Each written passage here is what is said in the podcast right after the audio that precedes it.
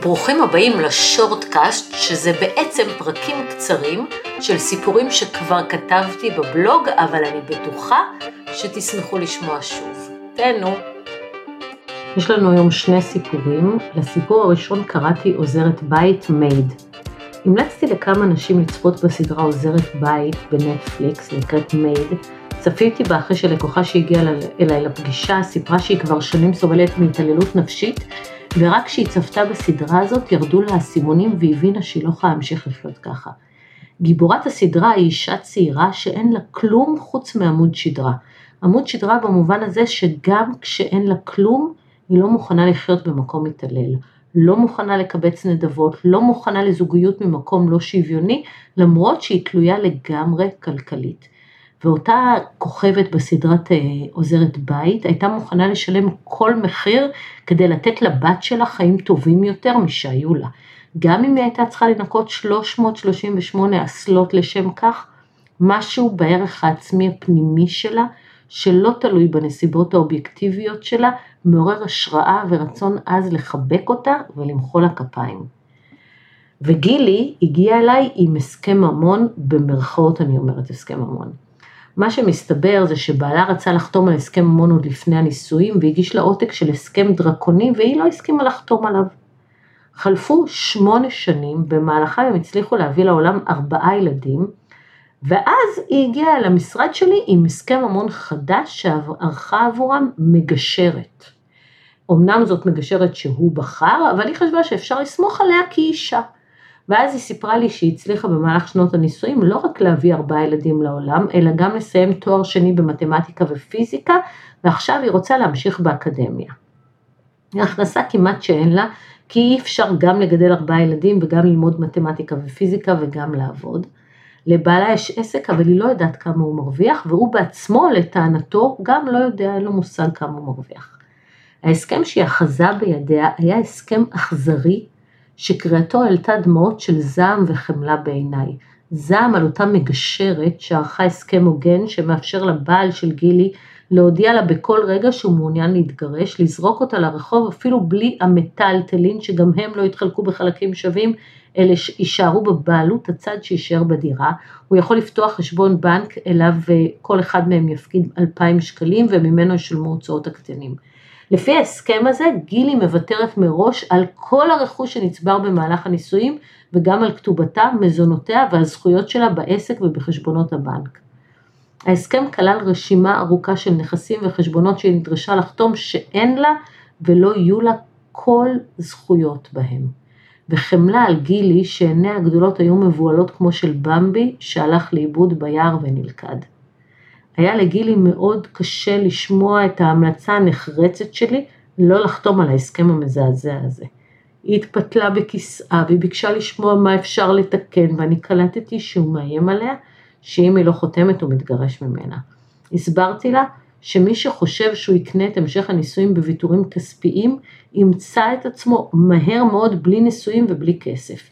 הסברתי לה שחתימה על הסכם כזה ואישורו זה בלתי הפיך ושעוד לא היה לקוח שלא הקשיב לי ולא הצטער על זה צער רב.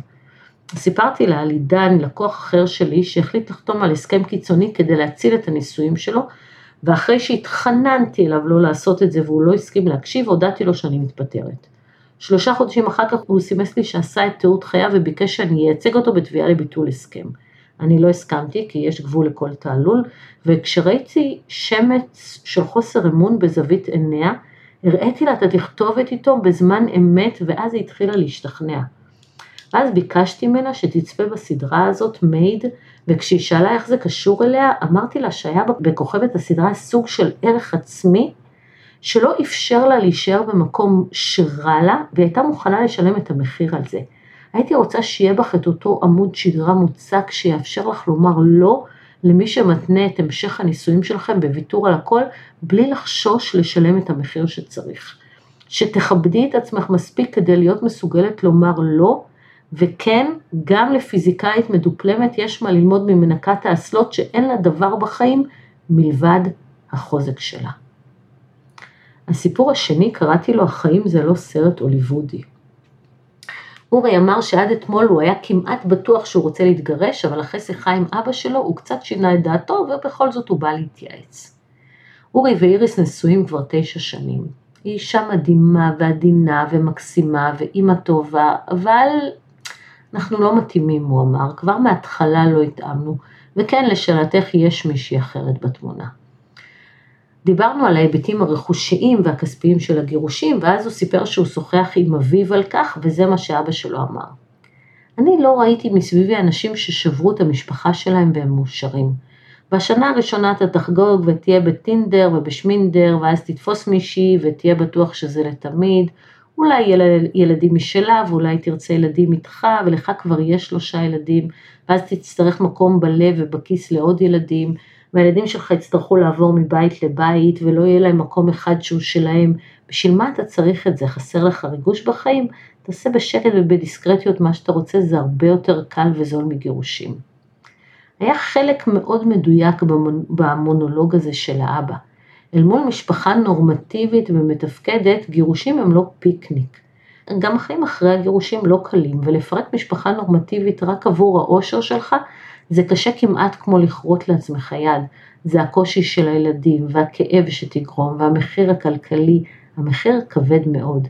למעשה אתה נדרש לוותר על המון בתמורה לאושר הפרטי שלך ואין לך שום ביטחון שבסופו של דבר לא תמצא את עצמך מתפשר על פחות.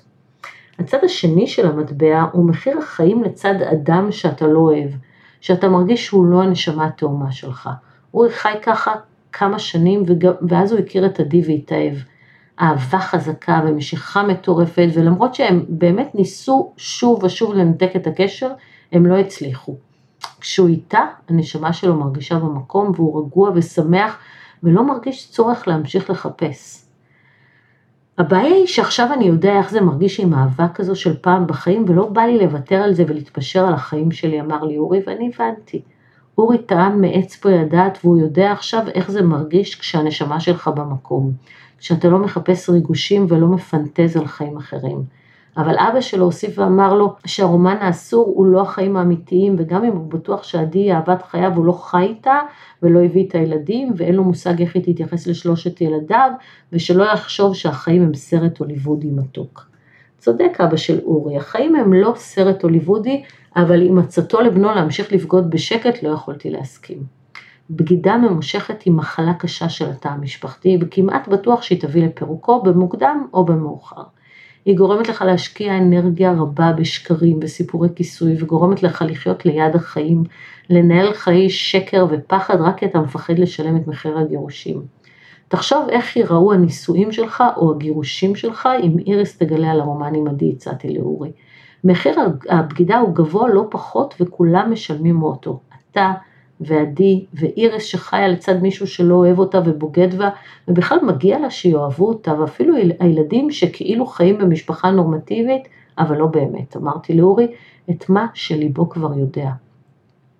אז סיכמתי לאורי את המצב המשפטי הצפוי בגירושים, והוא רצה לדעת אם יש נוסחה לחישוב מזונות, ואמרתי לו שלא רק שאין נוסחה כזו, היום כל שופט פוסק כראות עיניו והוא שב וביקש ודאות ולא יכולתי לתת לו, רק אומדן רחב, הוא נאחז בזה והיה מוטרד, כאילו סכום המזונות הוא הנעלם היחיד במשוואה הזאת של הגירושים.